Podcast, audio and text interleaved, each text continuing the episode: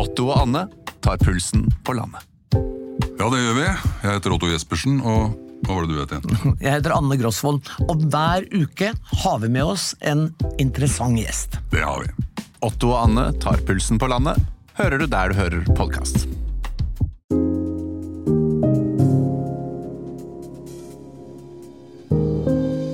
Fredrik og Kadafi, en podkast fra TV 2.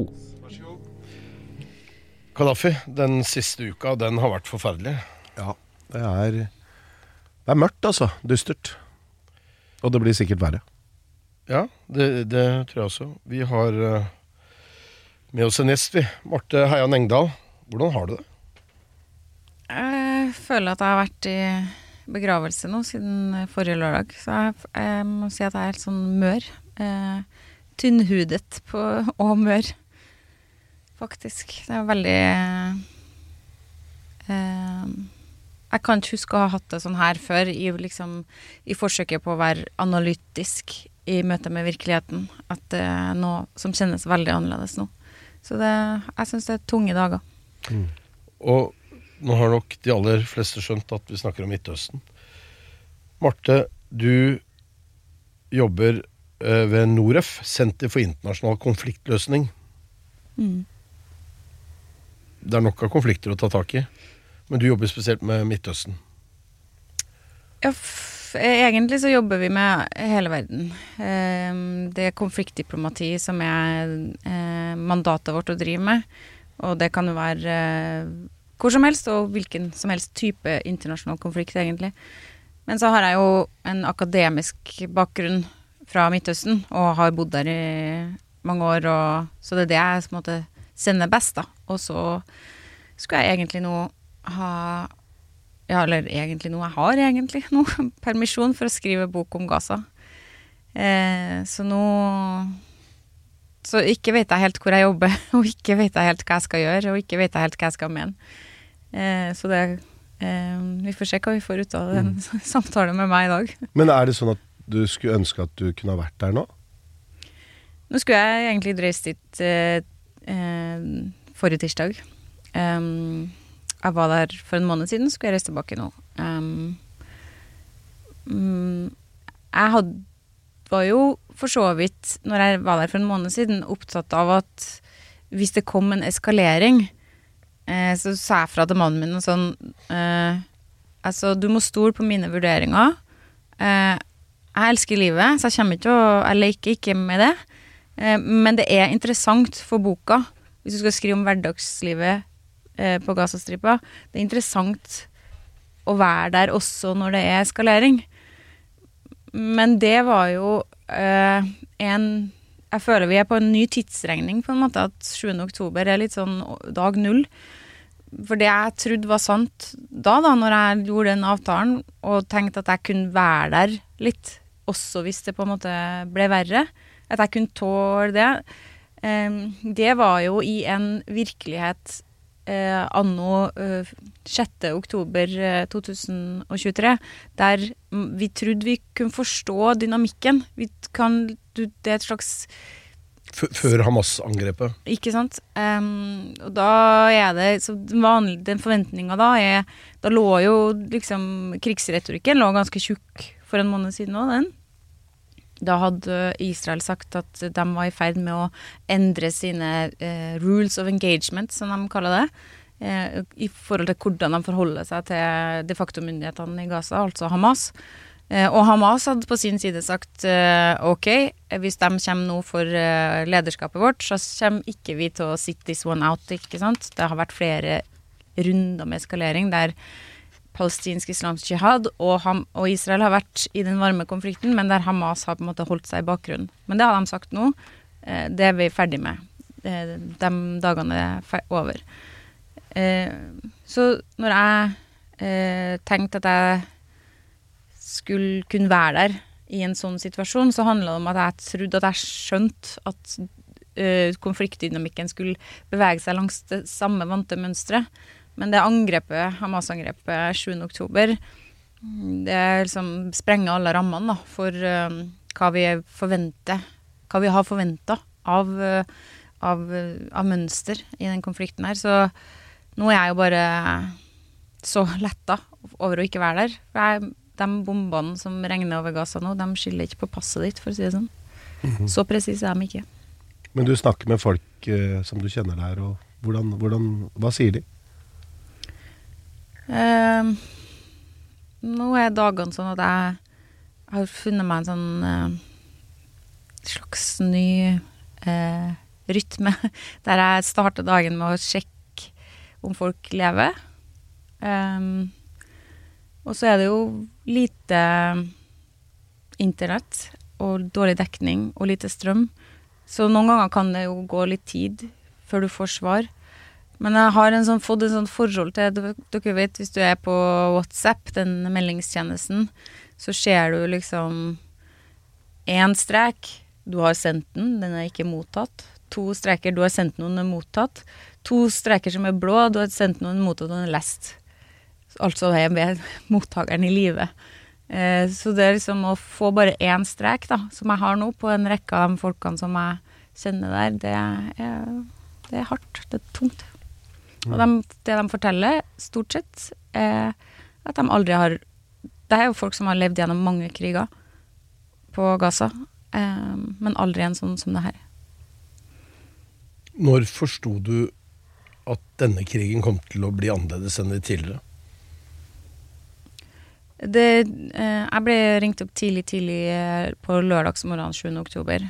Eh, om, fra, av en god venn eh, som er der, og som sa at eh, nå er krigen her. Og han hadde vært sammen med masse den, når jeg var der i september.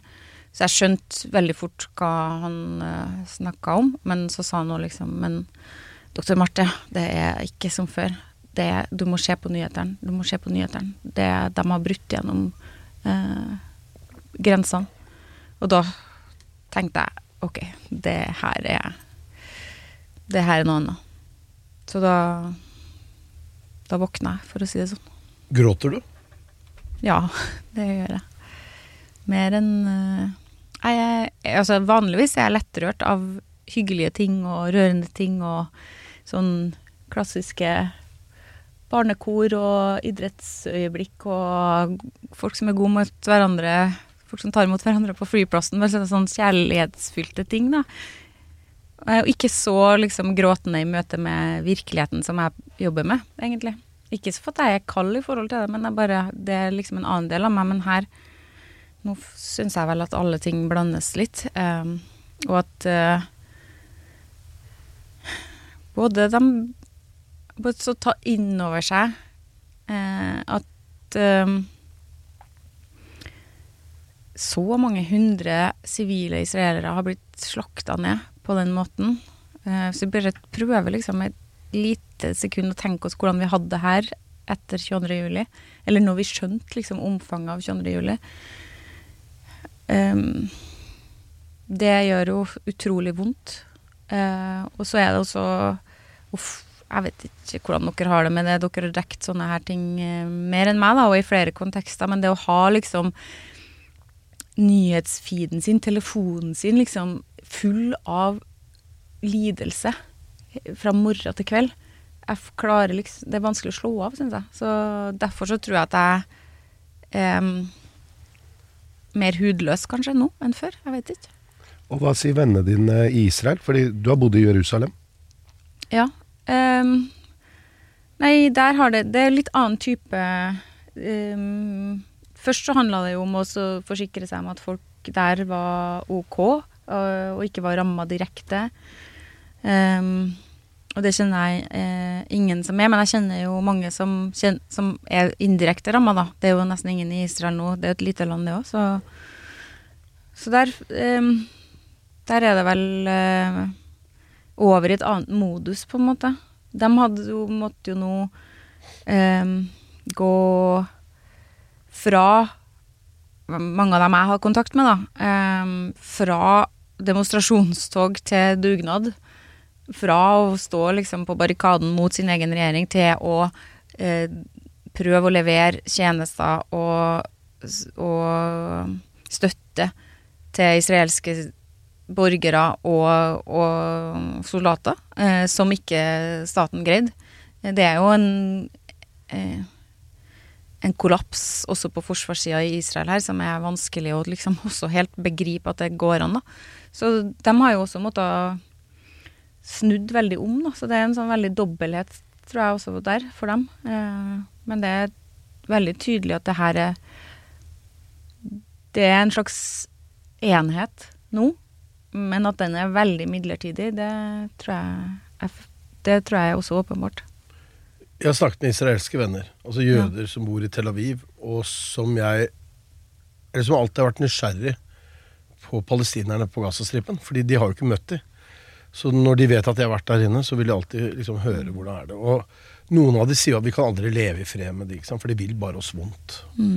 Eh, og de har tatt kontakt med meg den siste uka. Ja. Det startet med at jeg sendte melding til de i forrige uke og, og håpet at alt gikk bra, og at jeg beklaget det som skjedde. Sånn som jeg gjør med mine palestinske venner på Gazastripen samtidig. Ja. Men så har de den siste uka sendt meg meldinger som er ganske sånn hatske, og hvor de sier at det, du har sagt at også palestinerne vil, på Gazastripen vil leve i fred, men det er ikke sant. Det, du lyver. Se nå. Det er skapt en ny dynamikk, føler jeg. Ja, jeg er helt enig. Jeg deler veldig den um, Ja, det er kanskje for tidlig å si at det er en analyse. Det er en følelse som jeg og du og sikkert andre sitter med. Det er litt tidlig å gjøre opp status nå. Det er eh, midt i det vondeste. Folk har ikke engang fått begravd alle sine, ikke sant. Det er mange hundre som fortsatt ikke er identifisert i Israel, og de har ikke minst den pågående den gisselsituasjonen. Som også, så det er jo et åpent sår vi snakker om, så alt som kommer ut nå, vi må jo være litt forsiktige med å kanskje sånn si ja, så nå er det sånn. Men jeg deler veldig eh, følelsen din av at eh, det kjennes ut som om også der du vanligvis ville ha funnet noe klangbunn i at en annen tilnærming til spørsmålet om palestinerne sin framtid er mulig, enn den nåværende policyen som er fra det israelske politiske lederskapet. Den delen, den, den døra liksom Jeg sier ikke at det ikke går an å åpne den igjen, men den er, føles som den blest igjen, da. Men de vennene dine på Gaza, eh, hva sier de om angrepet til Hamas? Forstår de det, eller tar de avstand fra det, eller hva sier de?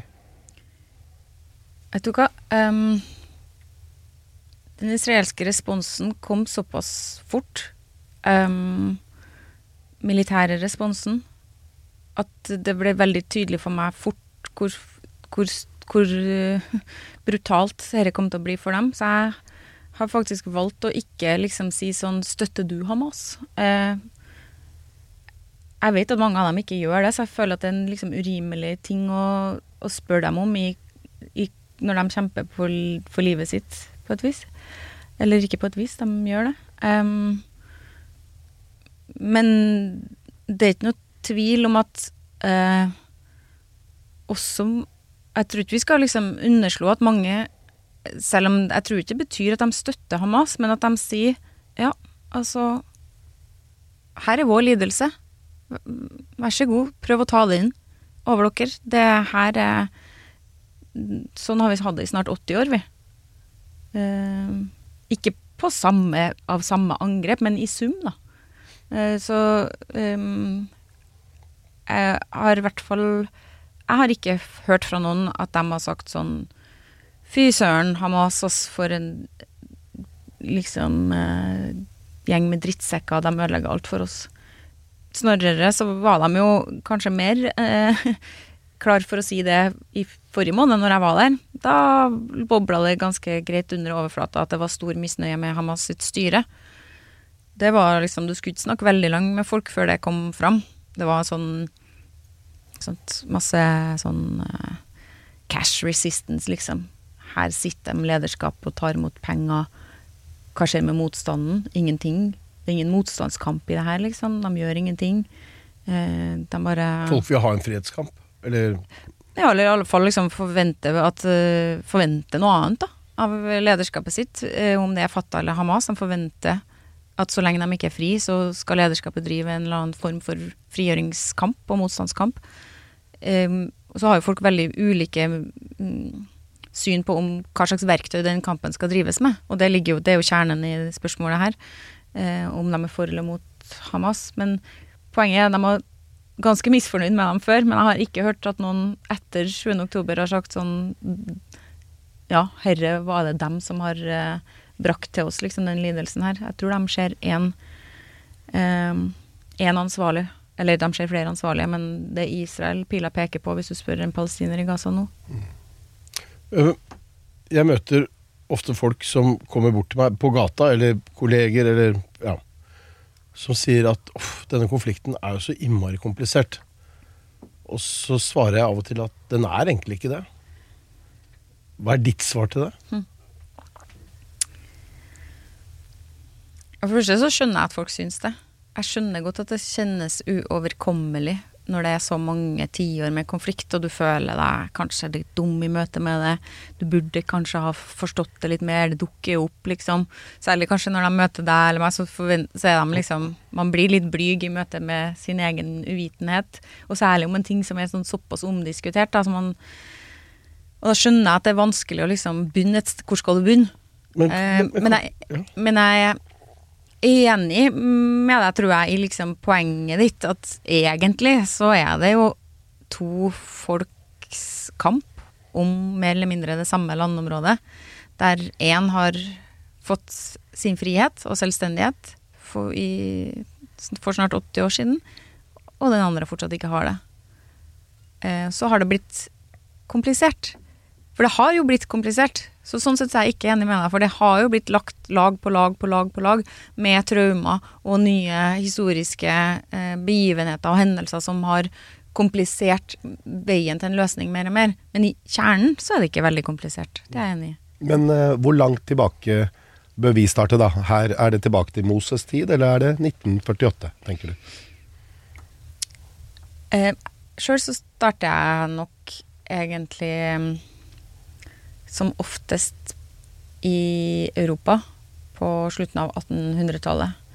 Og grunnen til at jeg gjør det, er for at den jødiske historien og behovet for en egen jødisk stat og trygghet, den er også vår historie, europeiske historie. Det henger sammen med vår antisemittisme i Europa, nasjonalismen i Europa og hvordan det var eh, å leve her, og hvor umulig det ble.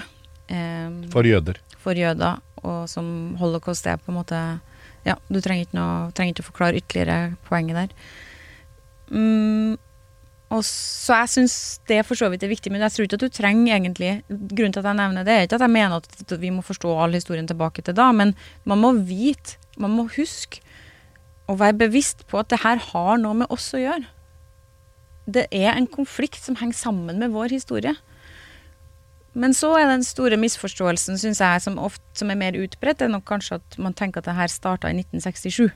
At det er da liksom selve For da starter den israelske okkupasjonen, og det er da um, Og da må vi tilbake til der du foreslår 1948. For den palestinske katastrofen og den israelske triumfen henger sammen, og den starter der. Og hva skjedde da? Nei, i perioden før og under og etter opprettelsen av Israel, så blir eh, rundt eh, 750 000 palestinere jagd på flukt. Noen drar av egen vilje, noen drar fordi de kan, noen fordi de må. Noen blir, drar pga. vold, noen drar pga. frykten av vold. Det er veldig sammensatte årsaker til hvorfor de drar, men det er altså over 700 000 da, som blir drevet på flukt. Og det som er eh, den Så hvis, hvis vi skal tenke at vi burde forstå den israelske responsen på angrepet 7. oktober, ikke som en del av bare israelsk historie, men som en del av den jødiske historien, hvis det er liksom, så har med oss det, så er det viktig å forstå det palestinske uviljen til å forlate hjemmene sine nå, og til å dra til Egypt, eller sånne forslag som kommer. Det henger sammen med fordrivelsen i 1948. 1,8 millioner av de palestinerne som nå bor på Gazastripa, er jo flyktninger. Eller flyktninger fra flyktningfamilier.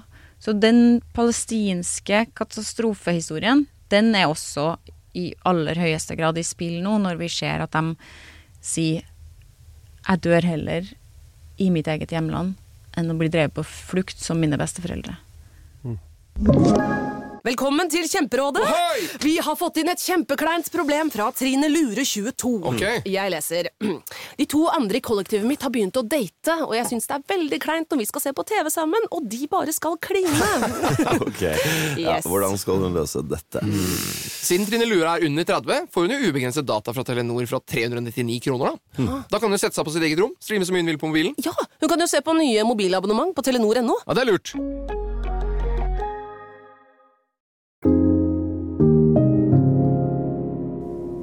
Det som skjedde i 48 var jo at uh, veldig mange flyktet fra det som da ble Israel. Uh, og så flyktet de til Og det ble opprettet flyktningleirer for dem i, i Libanon i nord. På Gazastripen, som da var en del av Egypt i vest, ut ved havet. Og på Vestbredden, som da var en del av Jordan. Og så gjennomførte palestinske geriljagrupper i årene som kom, en del angrep mot Israel fra disse områdene. Alle disse områdene. Og det førte til flere kriger, bl.a. den i 67. Og da tok Israel kontroll over Gaza og Vestbredden. Hva var målet den gangen? Var det bare å stanse geriljaangrep, eller var det et annet, større mål? Så, eh, krigen i 1967 er jo um, en arabisk-israelsk krig. Etter krigen så blir det en mm, tydeligere palestinsk-israelsk konflikt. For den palestinske nasjonalismen og på en måte motstandskampen får da eh, kommer til et punkt der de sier Altså, den arabiske verden her, det er jo null verdt. De får ingenting til for oss. Alt de gjør, er å tape krigene og ikke hjelpe dem oss i det hele tatt. Så vi, dette må vi heller liksom ta Ikke skjea i, kanskje sverdet i egen hånd, da. Eh, men for Israel sin del så handler jo det om trusselen fra, fra større fiender da, da, enn det palestinerne var. Så de fleste historikere nå mener jo at Israel ikke hadde tenkt Det var ikke i utgangspunktet en krig for å erobre mer land, men muligheten bøy seg, akkurat som den bøy seg i 1948, til å ta over palestinske landsbyer og hjem som ikke egentlig var tildelt Israel ifølge FN sin delingsplan fra 1947. Um, og i erobringa av mer land, særlig da Vestbredden egentlig, så får jo Israel det de har mangla til da, nemlig strategisk dybde. Uten Vestbredden så er Israel et veldig smalt territorium på det området. Vanskelig å forsvare, flate sletter. Eh, Vestbredden har høydedrag eh, og gir en større dybde. Så det er lettere å forsvare, rett og slett. Så det går opp for dem, eh, at her er det en strategisk fordel. Og parallelt med det så våkner det også en eh, bevegelse i Israel som ikke bare sier 'her er det en mulighet', men som sier 'her er det et mirakel'. Vi har vunnet dette landet fordi vi er Guds folk på jorda, og vi skal holde på det av samme årsak. Og de to hva skal si, liksom, tendensene da, i det israelske samfunnet som, som starter med, i, der i 1967, de har jo eh, De står jo veldig sterkt fortsatt, og er jo bakgrunnen for at det er nå nest, det er vel rundt 700 000 israelske bosettere på det, da, som skal være den palestinske statens territorium. Em, så det, det er jo grunnen til at man ofte snakker om 1967, når man begynner å lure på hvor skal man starte hen.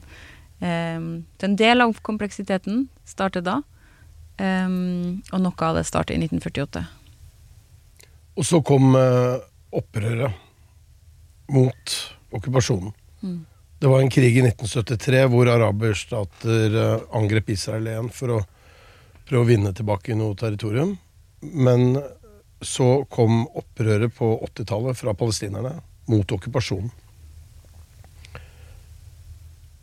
Og det varte en stund, og det var ganske heftig. Og det satte palestinernes sak på kartet, virkelig.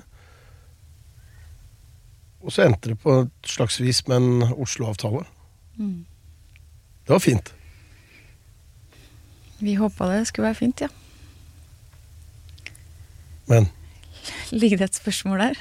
ja, det, Får du uttale? ja. Nei, det, det gikk jo ikke bra. Nei, det er jo veldig eh, lett å eh, kritisere Oslo-avtalen nå. Det er det jo. Eh, og den har på en måte en eh, et falskt premiss i seg hvis vi forstår det som en fredsavtale, tror jeg. Da er det Det, det var det aldri. Det var en forhandlingsavtale? Eller avtale om å forhandle? en intensjonsavtale om en prosess, om en forhandling, og det var en anerkjennelse av hverandre som riktige motparter. Israel anerkjente at PLO kunne representere palestinerne. PLO anerkjente Israels rett til å eksistere. Sånn sett så var det et kjempegjennombrudd. Og øh, jeg Når var dette? 93. Hmm. Um, jeg tenker en del på det nå, fordi ak det er jo um, Det som du drar opp liksom bakteppet, ikke sant. Du har intifada i 87, eh, og så Altså har du opprør. Ja. ja, eh, det palestinske opprøret. Ehm, og så på en måte blir det ehm, Glir det over da, til å bli en ny virkelighet? ikke sant? Det er jo det som også delvis skjer. Det blir en ny virkelighet også for Israel. Det er vanskelig å kontrollere det. Verdensopinionen snur osv. Men hvis vi hadde tatt starta, trukket liksom streken din tilbake til 82, til den israelske invasjonen av Libanon, da var jo nettopp målet eh, å fjerne PLO. På samme måte. Så det ligner litt, syns jeg, da. Jeg har tenkt på det de siste dagene nå, på det vi hører hvordan de snakker om det de skal gjøre mot Hamas nå. Eh, det, det, det liksom, De skal renses ut, de skal vekk. Og de lyktes delvis. De forviste jo hele PLO-ledelsen eh, til Tunis, eh, der de ble sittende helt til de kom tilbake på en måte da med Oslo-avtalen. Eh, så det her er jo liksom et fortvilt forsøk på å prøve å se noe lys her, da. Men eh, jeg har i hvert fall tenkt at det kanskje kan være verdt å huske på, da. At det som starter med en sånn med invasjonen av Libanon, som blir den palestinske intifadaen eh, senere på 80-tallet, det er på en måte samme type historie Det er det samme som er også starten på Oslo-prosessen. da. For da er jo, går jo Det er jo et, et enormt eh, steg de egentlig tar. Da er det Det var like tabu med PLO da som det er med Hamas nå. Det var like utenkelig at israelerne Det var forbudt ved lov. Det var like utenkelig å se for seg at de skulle sette seg ned med dem. Da Ja, for, for da ble de kalt for terrorister. Ja. Så jeg vet ikke om det høres uh, litt sånn desperat ut, men jeg tenker at det kan være verdt å bare minne oss sjøl på det, da. At uh, ikke i morgen eller neste uke, men det betyr ikke Alt det som skjer nå, betyr ikke at alt annet er låst i framtida. At ingenting annet kan komme ut av det her. Jeg blir nesten nødt til å tenke sånn. Ja, de som bor der, må jo, må jo det. De må jo se noe håp. Men du som har vært mye på Gazastripen, du ser jo Altså, Gaza Det var jo bosettere der også. Det var, Gaza var jo okkupert på en annen måte. Første gang jeg var der, i 92-93, så var det jo eh, var det, det det var ikke gjerdet inne. Det var eh, palestinske arbeidere som dro inn til Israel og jobbet hver dag. Og, eh, men så, så kom da den nye intifadaen i 2000. Så valgte man å, å gjerde inne hele området. Eh, og etter hvert så trakk man også ut bosetterne som bodde der, fordi man så at det var ganske kostbart å ha, ha bosettere. De hadde jo en hel bataljon som passet på en av disse bosetningene. Det, det var mange israelske soldater som måtte til for å sikre bosetterne der inne. Tidligere statsminister Arild Sharon trakk ut bosetterne. Og hva tror du de tenkte da? Tenkte de israelerne at nå vil Gaza bli absorbert av Egypt eller resten av den arabiske verden, så vil de som bor der, forsvinne? Jeg er jo historiker, så jeg har sittet eh, nok nede i arkivet til å vite at Gaza har alltid vært en hodepine. Helt siden eh, eh, den første krigen i 1948 så har det vært eh, et stress og et styr for alle som har måttet prøvd å kontrollere det området. Um, nei, jeg, jeg, hva tenkte de, hva ville de? Det er vel mulig å peke på i hvert fall at den israelske strategien siden 2000, siden den andre intifadaen, da, i, på 2000, i 2000 og noen år, ikke sant. Men vi kan si liksom fra 2005, da, da Sharon beslutter at Israel skal trekke seg ut fra Gaza. Det er jo en strategi som er eh, handler om separasjon. De må være der, vi må være her. Eh, vi må finne en mest mulig levelig måte for oss, altså minst mulig dødelig måte for oss å kontrollere at de holder seg der. Um, og at vi kan leve i fred her. Um, og så har det jo ikke vært noe særlig mer policy enn det, hvis du liksom Etter mitt skjønn. Um, så det er jo kanskje det som står fram aller tydeligst nå, da. Den enorme kostnaden det har for det israelske samfunnet at det israelske politiske lederskapet ikke har hatt noen policy for hvordan de skal håndtere Gaza og eller Palestina-problemet. At de har murt opp muren, kikka andre veien og fortsatt med livene sine som om det ikke fantes, på en måte, og så henvendt seg til resten av regionen istedenfor i et håp om at å få liksom velsignelsen og bli innlemma i det regionale fellesskapet økonomisk og sikkerhets- og etterretningsmessig. Og så er det ganske mange analytikere og andre vanlige folk som har sagt eh, lykke til med det, det der går ikke. Eh, det, dere lever oppå hverandre. Så det går ikke an å late som om det der ikke fins. Og med det der, da mener jeg liksom den situasjonen å leve under en så hard blokade som befolkninga i Gaza har gjort eh, siden eh, 2007, da. Eh, så, jeg, så, om alt det her var helt tydelig for Ariel Sharon når han tok den beslutningen, og at det var det, tror ikke jeg. Jeg tror liksom det israelske lederskapet snarere tvert imot ikke har hatt en langtidsplan, langtidstankegang, men tar ett problem av gangen. Um, og dermed har endt opp med å ikke ta det selve problemet på nok alvor. Du, du sier blokade, og det hører vi jo hele tiden nå. Ja. Og har hørt. Du som har vært der. Altså, Hva er det i praksis? Hvordan er livene til palestinerne under blokaden? Jeg tror det er eh, rimelig å, starte med å si at det er forskjellige utfordringer i forskjellige epoker av eh, blokaden. Men når jeg var der sist nå, eh, så var det f.eks. Eh, det var ikke noe mangel på varer, for så vidt. Men det var, folk hadde ikke noe penger til å kjøpe dem. For noen år siden, så, for 2008-2009, da, da var det, mangla det veldig mye. Det var vanskelig. ikke sant? Det var, start, det var før liksom alle disse smuglertunnelene og alt hadde Så da var det vanskelig hvis du skulle ha skolesekk til jentungen din. Så skulle du slite liksom med å få fatt i det på det nivået. Ikke sant? Hyllene er tomme, og det er ikke noe Folk hadde penger, men de hadde ingenting å kjøpe. Nå hadde de ting å kjøpe, men de hadde ingen penger.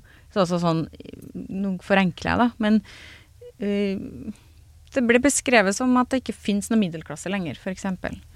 Uh, folk synker ganske fort ned i fattigdom. Veldig mange avhengig av eh, humanitær hjelp fra FN. Eh, Ungene har i mange år gått uh, to skift på skolen. Det har sikkert uh, vært uh, mens du har vært der òg, Fredrik, at jeg vet For min del så er det Det er kanskje litt sånn enkelt, da, men når man ser unger som Altså, du hører liksom dem Nei, nei men jeg, nå går jeg vårsemester, høstsemesteret går jeg på morgenen, og så må jeg bytte, må gå ettermiddagsskiftet. Og du skjønner sånn, ja, OK, hva Nei, det er de samme lærerne. Det er flere lærere. Det er 50 unger i hvert klasserom.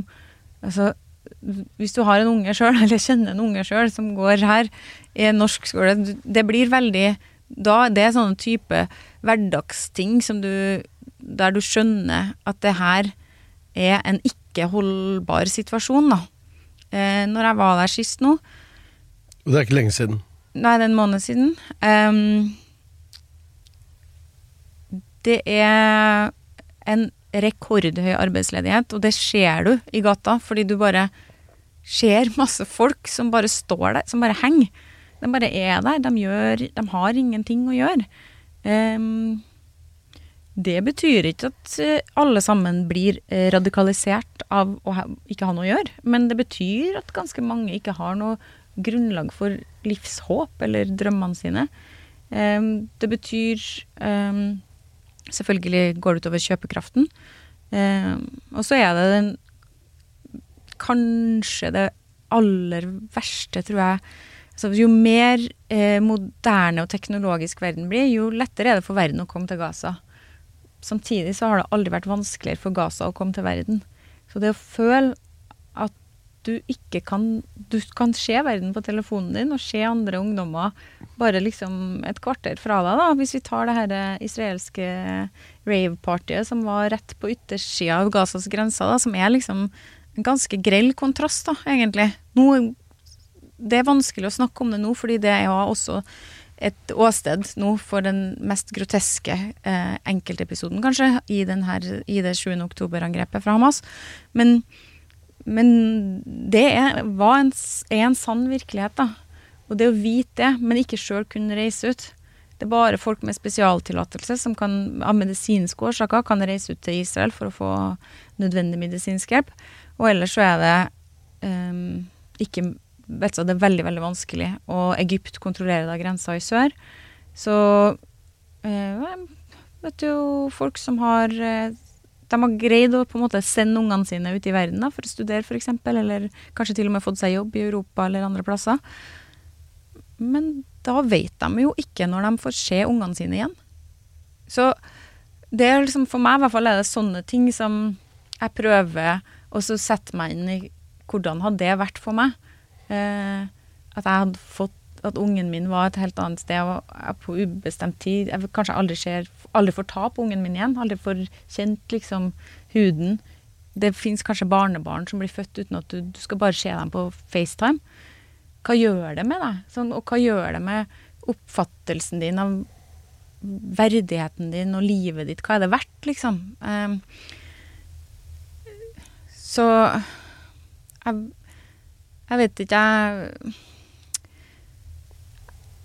jeg, Det er på ingen måte eh, sånn? Det er jo heller ikke sånn at de fleste palestinerne har valgt væpna kamp. De fleste har faktisk ikke valgt det.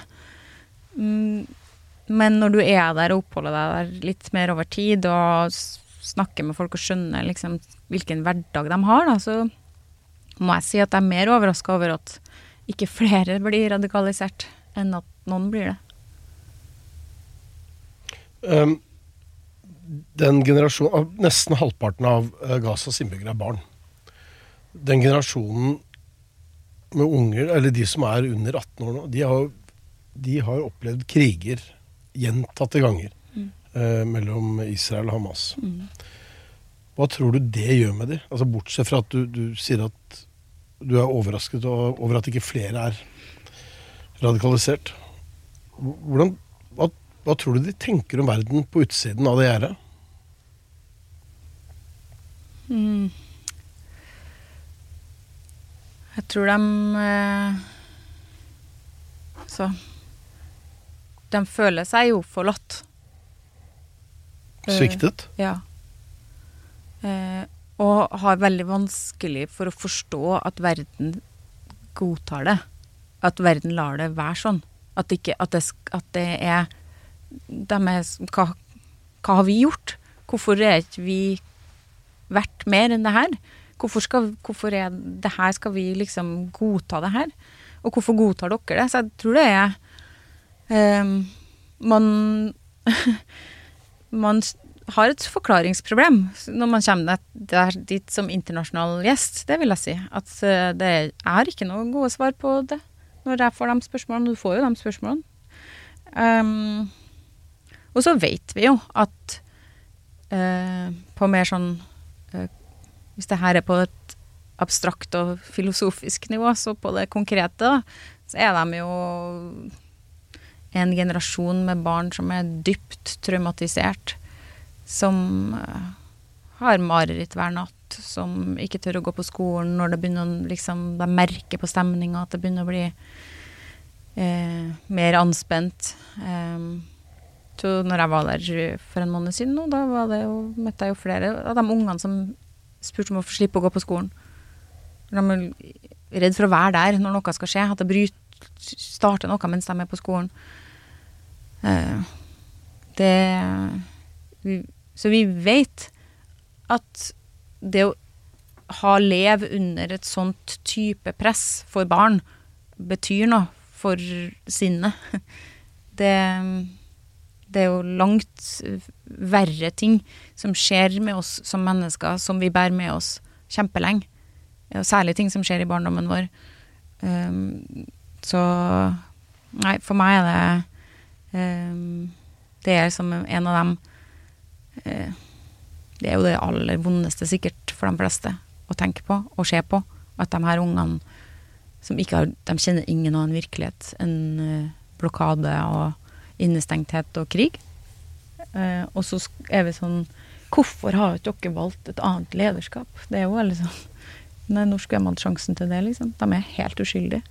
Og de går med i stort hoppetall nå. Det er, det er nesten ikke til å holde ut. Er det noen måte å avslutte denne samtalen på med noe håp? Ja, det er det. Ehm, det vi må anstrenge oss, syns jeg, da. eh, for å Det blir for dumt å sitte her i eh, et studio i Oslo og liksom gi opp på vegne av alle andre, syns jeg. Ehm, som faktisk lever med det. Jeg får jo også masse meldinger fra folk som sier liksom eh, Vi vil jo bare leve i fred. Alt, alt vi vil er å ha vår egen frihet og retten til å liksom bestemme over våre egne liv.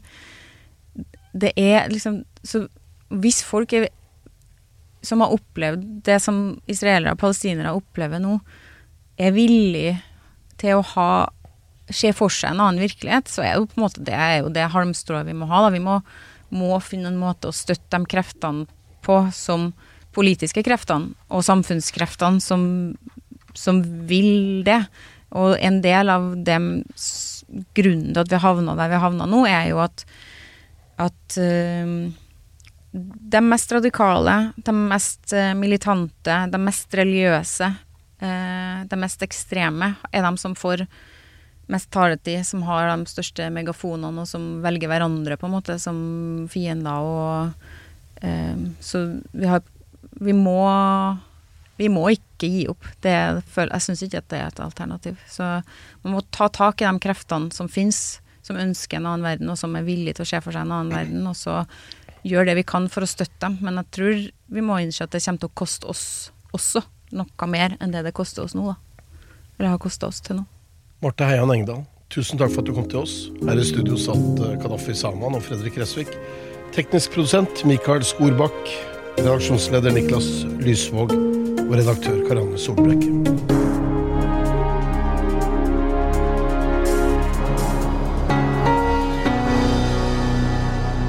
Denne podkasten er produsert av Bauer Media for TV 2.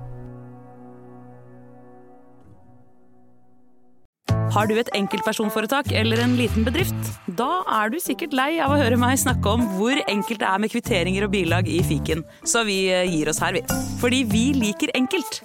Fiken superenkelt regnskap.